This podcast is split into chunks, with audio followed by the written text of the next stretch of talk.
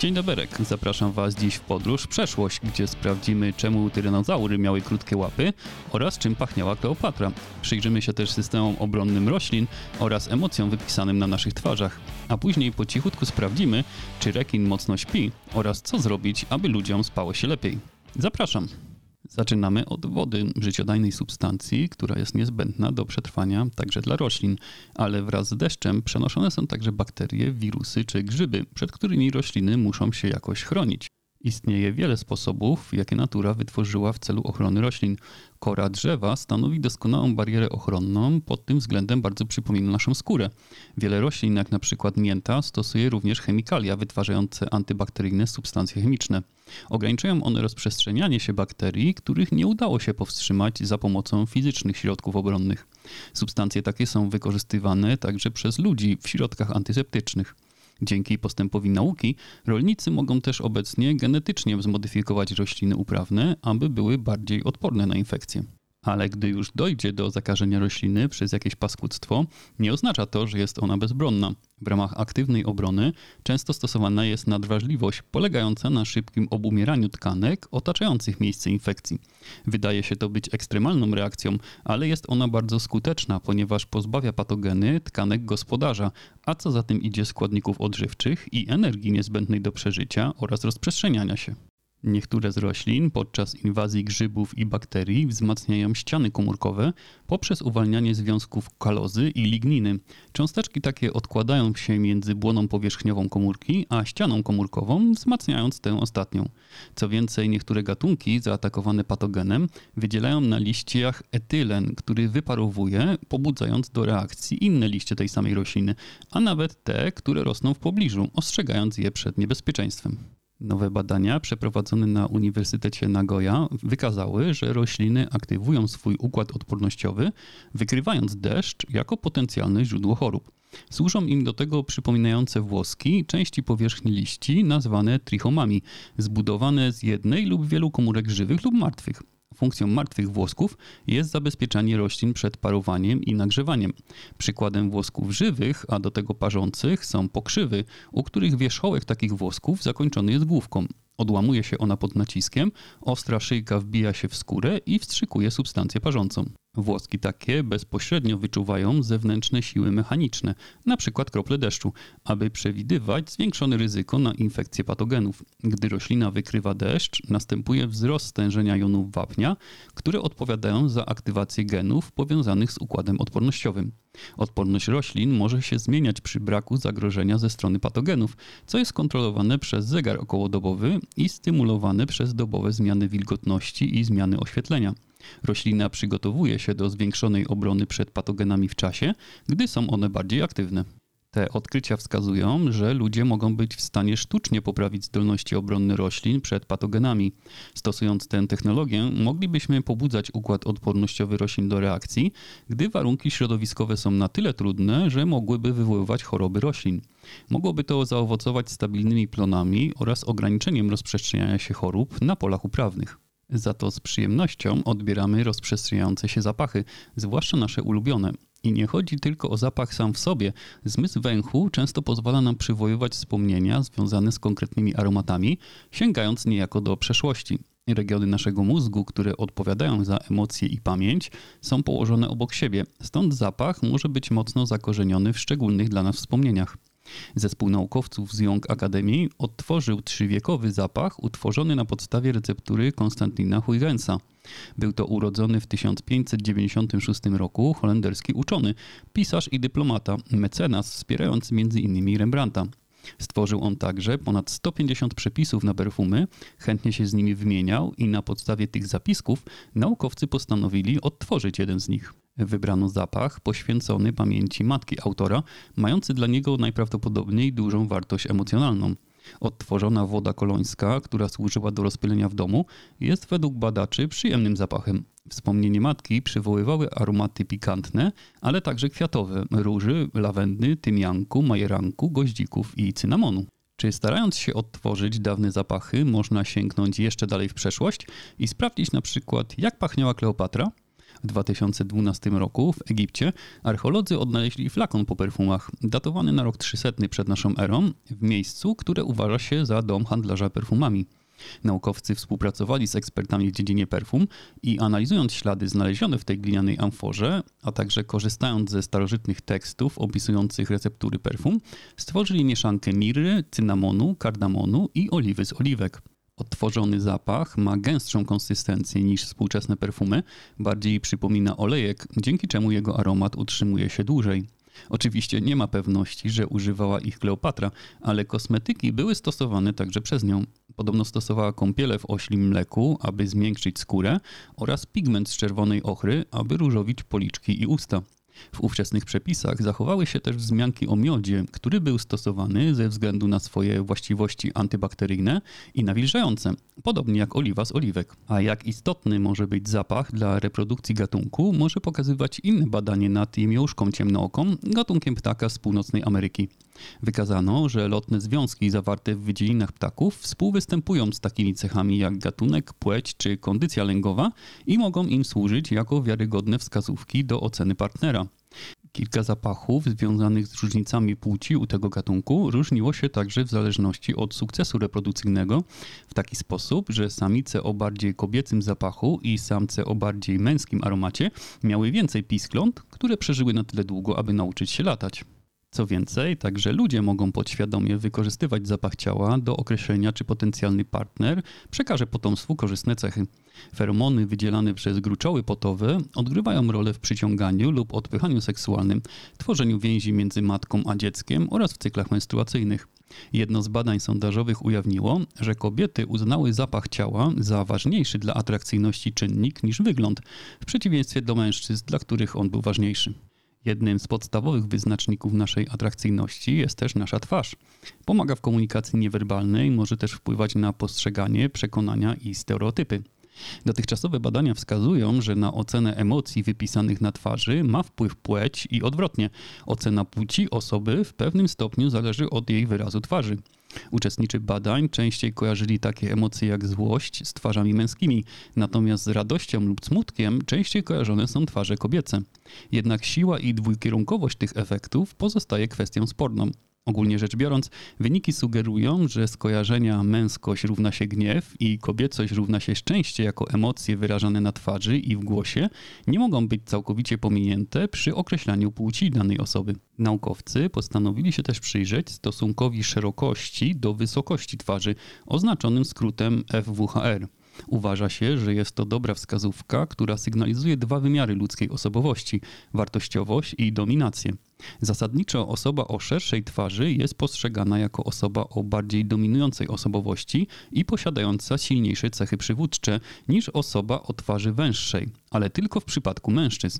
Takie postrzeganie jest mniej prawdopodobne w przypadku twarzy kobiecych. Ludzie z twarzami o wysokim FWHR postrzegani są jako dominujący i agresywni. Są mniej lubiani, ale są również uważani jako bardziej odpowiedni do zajmowania stanowisk kierowniczych i przywódczych, co rzeczywiście przekłada się na tendencję do osiągania wyższej pozycji społecznej. Prezydenci USA, prezesi firm, a nawet katolicy papieże mają wyższy FWHR niż przeciętny Amerykanin. Co więcej, dyrektorzy generalni z wysokim FWHR zapewniają swoim firmom wyższy zwrot z inwestycji, a sportowcy z wysokim FWHR osiągają lepsze wyniki. Zaznaczyć tu jednak trzeba wyraźnie, że badania mają charakter korelacyjny, a kobiece twarze były zwykle pomijane w takich opracowaniach. W nowym badaniu sprawdzono, w jakim stopniu orientacja polityczna osoby wpływa na jej ocenę zdolności kandydata na polityka na podstawie cech twarzy kandydata oraz stereotypów związanych z płcią. Wykazało ono, że liberałowie i konserwatyści różnią się w sposobie postrzegania dominacji u kobiet, co może wpływać na ich skłonność do wybierania ich na stanowiska polityczne. Ma to pewne oddziaływanie na politykę, stereotypy dotyczące płci oraz postrzegania roli przywódczych w społeczeństwie. W badaniu pokazano konserwatystom i liberałom twarzy płci męskiej i żeńskiej, a następnie poproszono ich o ocenę prawdopodobieństwa wyboru na urząd polityczny. Konserwatyści byli mniej skłonni wybrać kandydatkę, ponieważ kojarzyli ją z mniejszą dominacją. Liberałowie natomiast byli bardziej skłonni głosować na kobietę, ale podobnie jak konserwatyści również nie postrzegali kobiet o szerszej twarzy jako bardziej dominujących. Zdaniem naukowców różnica może wynikać z tego, że konserwatyści wierzą w utrzymanie hierarchii społecznej, a liberałowie dążą do przezwyciężania uprzedzeń i oczekują bardziej otwartej struktury społecznej. Jedna z hipotez tłumaczy takie zachowania w taki sposób, że ludzie postrzegają szerszą twarz jako bardziej dominującą i godną przywództwa ze względu na psychologię ewolucyjną. W tradycyjnych społeczeństwach mężczyźni od wieków pełnili role przywódcze, często dzięki agresji i byli postrzegani jako bardziej dominujący, podczas gdy kobiety były stereotypowo postrzegane jako bardziej uległe i opiekuńcze. Takie badania wskazują ścieżkę do poprawiania sytuacji w zakresie równości płci, gdyż kobiety nadal są rzadziej niż mężczyźni nominowane na liderów. Jedną z przyczyn może być właśnie sposób, w jaki ludzie odczytują sygnały z twarzy kandydatów. Trzeba wyraźnie zaznaczyć, że takie uprzedzenia, choć często silne, mogą być całkowicie nieświadome. Ważne jest zatem, aby zdawać sobie z nich sprawę i nie pozwolić, aby kierowały naszymi wyborami podczas oceny kandydatów, których wybieramy na ważne stanowiska polityczne. Twarzy nie miał za to nasz kolejny bohater. Zamiast tego miał paszczę pełną ostrych, zakrzywionych od wewnątrz zębów. Długie, prawie 13-metrowe ciało o wadze ponad 8 ton utrzymywał w równowadze długi ogon. Będąc jednym z największych znanych drapieżników lądowych, jakie kiedykolwiek chodziły po ziemi, tyranozaur, bo o nim mowa, miał również krótkie, śmieszne przednie łapki. W zasadzie nie wiadomo na pewno, skąd wzięła się taka budowa tego potwora i czemu miała służyć. Kiedy w roku 1900 Barnum Brown odkrył pierwsze skamieniałości tyranozaura, uznał, że małe ramiona nie są częścią tego szkieletu. Jego kolega wysunął hipotezę, że przednie kończyny utrzymywały samice w miejscu podczas kopulacji. Szybko zauważono jednak, że są zbyt krótkie, by objąć innego T-Rexa i z pewnością zbyt słabe, aby sprawować jakąkolwiek kontrolę nad partnerką. Inne wyjaśnienia obejmowały machanie w celu przyciągnięcia partnera lub sygnalizacji społecznej, służenie jako kotwica pozwalająca podnieść się z ziemi, przytrzymywanie zdobyczy albo nawet dźganie wrogów. Ale w pewnym momencie odkryto dowody na to, że niektóre tyranozaury polowały w stadach, co skłoniło paleontologa Kevina Padiana do sformułowania nowej hipotezy. Przede wszystkim zauważył, że przodkowie tyranozaurów mieli dłuższe ramiona, musiała zaistnieć jakaś przyczyna zmniejszania się ramion i obniżania się ruchomości stawów. Jak twierdzi badacz, dotyczyło to nie tylko T-Rexa, który żył w Ameryce Południowej pod koniec okresu kredowego, ale także afrykańskich i południowoamerykańskich dinozaurów z okresów połowy kredy. Co więcej, jakiekolwiek funkcje ramion byłyby o wiele bardziej efektywne, gdyby ramiona nie zostały zmniejszone. Naukowiec postuluje zatem, że krótkie przednie kończyny miały takie rozmiary, aby ktoś ich tyranozaurowi nie odgryzł. Wielka czaszka i szczęki najeżone zębami zapewniały wszystkie niezbędne mechanizmy drapieżnicze, a podczas żerowania na zdobyczy w stadzie dinozaur trzymał krótkie kończyny przednie z daleka od szczęk współbiesiadników, unikając zranień, utraty krwi, amputacji, infekcji i w konsekwencji śmierci. Hipoteza Padiana ma swoje odzwierciedlenie w czasach współczesnych. Olbrzymi smok z Komodo, czyli jaszczurka z Indonezji, także poluje w grupach. Pierwszeństwo podczas posiłku mają dorosłe osobniki i tu także może dochodzić do okaleczeń podczas żerowania, podobnie jest w przypadku krokodyli. Jednak jak sam autor przyznaje, jego hipoteza będzie trudna do udowodnienia 66 milionów lat po wyginięciu ostatniego tyranozaura. Nasz kolejny bohater wprawdzie nie wyginął, ale również może być uznawany za współczesnego potwora. A nawet monstra muszą spać, jak zatem jest ze snem w przypadku rekinów. Zespół badawczy, wyspecjalizowany w badaniu snu u płaszczek i rekinów, przypatrzył się temu zagadnieniu, wiedząc, że u wielu innych zwierząt sen jest kontrolowany przez zegar biologiczny.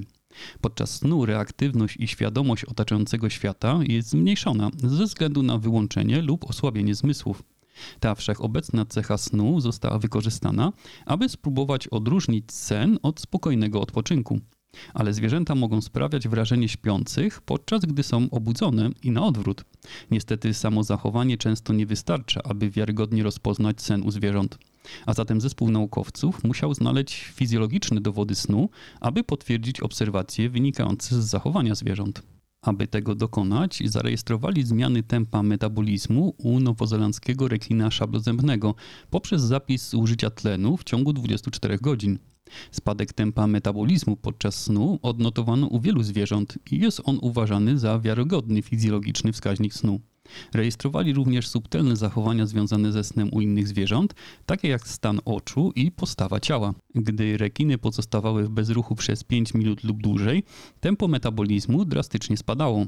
Tym zmianom fizjologicznym towarzyszyła również wyraźna zmiana postawy ciała. Rekiny przechodziły do pozycji całkowicie leżącej. Stwierdzono jednak, że stan oczu nie ma związku ze stanem świadomości rekinów, ponieważ zwierzęta te często obserwowano śpiące z otwartymi oczami. Wyniki tych badań potwierdzają również hipotezę, że sen u rekinów służy głównie zachowaniu energii. Nic nie wiadomo na temat snu u tych gatunków rekinów, które muszą pływać przez cały czas, pasywnie przepychając bogatą w tlen wodę morską przez skrzela. Ich konieczność ciągłego pływania w celu ułatwienia wymiany gazowej sugeruje, że prawdopodobnie wykształciły one inne ciekawe przystosowania umożliwiające sen w tym nietypowym trybie życia. Grupa naukowa prowadzi obecnie badania elektrofizjologiczne aktywności mózgu, które pozwolą uzyskać pełny wgląd w formę snu u tych zwierząt. Co ze snem u ludzi? Jest on dla nas niezwykle ważny, a jedna z faz naszych nocnych marzeń, sen głęboki, jest bardzo ważny dla regeneracji mózgu i pamięci oraz ma pozytywny wpływ na układ krążenia. Niestety wraz z wiekiem fazy snu głębokiego są coraz krótsze i mniej efektywne. Czy można je jakoś poprawić? Naukowcy z Zurichu skonstruowali urządzenie, które poprzez emisję dźwięku podczas snu próbowało poprawić fale mózgowe charakteryzujące sen głęboki. Trzeba tu jednak zaznaczyć, że urządzenie było testowane w warunkach laboratoryjnych i nie ma aktualnie modelu komercyjnego. System zwany Sleep Loop zakłada się na noc i używa podczas snu. Za pomocą elektrod mierzy się aktywność mózgu podczas snu, a niewielki komputer analizuje dane na bieżąco. Gdy u śpiącej osoby pojawiają się wolne fale w aktywności mózgu, charakterystyczne dla głębokiego snu, system wyzwala krótki sygnał dźwiękowy. Pomaga to zsynchronizować i wzmocnić fale mózgowe, a osoba śpiąca nie jest świadoma tego dźwięku podczas głębokiego snu. Przeprowadzone na osobach starszych badanie kliniczne polegało na wyposażeniu pacjentów w takie urządzenie do samodzielnej obsługi w domu. Było ono na tyle proste w obsłudze, że badani bez problemu je obsługiwali, a naukowcy uzyskali dużą porcję danych. Przez cztery tygodnie uczestnicy nosili je co noc, przy czym przez dwa tygodnie dźwięki wzmacniające fale mózgowe były emitowane, a przez inne dwa nie. Ani uczestnicy badania, ani badacze nie wiedzieli, w których dwóch tygodniach sygnały słuchowe były odtwarzane, a w których nie. Spośród 33 badanych u 16 wykazano wyraźny wzrost fal wolnych, ale stwierdzono duże różnice w efektach między uczestnikami, a także między różnymi nocami u tych samych uczestników. Osoby słabo reagujące na dźwięki były też znacznie starsze niż osoby silnie reagujące. Badani zgłaszali też, że korzystanie z urządzenia nie miało stałego wpływu na subiektywną jakość snu, senność w ciągu dnia ani czujność. Aby zniwelować te różnice, potrzebne są nowe, bardziej spersonalizowane urządzenia, a wyniki posłużą jako wskazówki dla przyszłych projektów skutecznej stymulacji snu, które powinny też obejmować dużo większą ilość badanych. Podcast naukowo też idzie spać i obudzi się w najbliższą sobotę z nową dawką informacji ze świata nauki. Zapraszam także do wspierania projektu w serwisie Patronite pod adresem www.patronite.pl ukośnik naukowo. Dla wspierających działa już grupa na Facebooku i serwer Discord, gdzie znaleźć można więcej informacji, które nie znalazły się w audycji. Serdecznie dziękuję za Wasze wsparcie i uwagę. Do usłyszenia.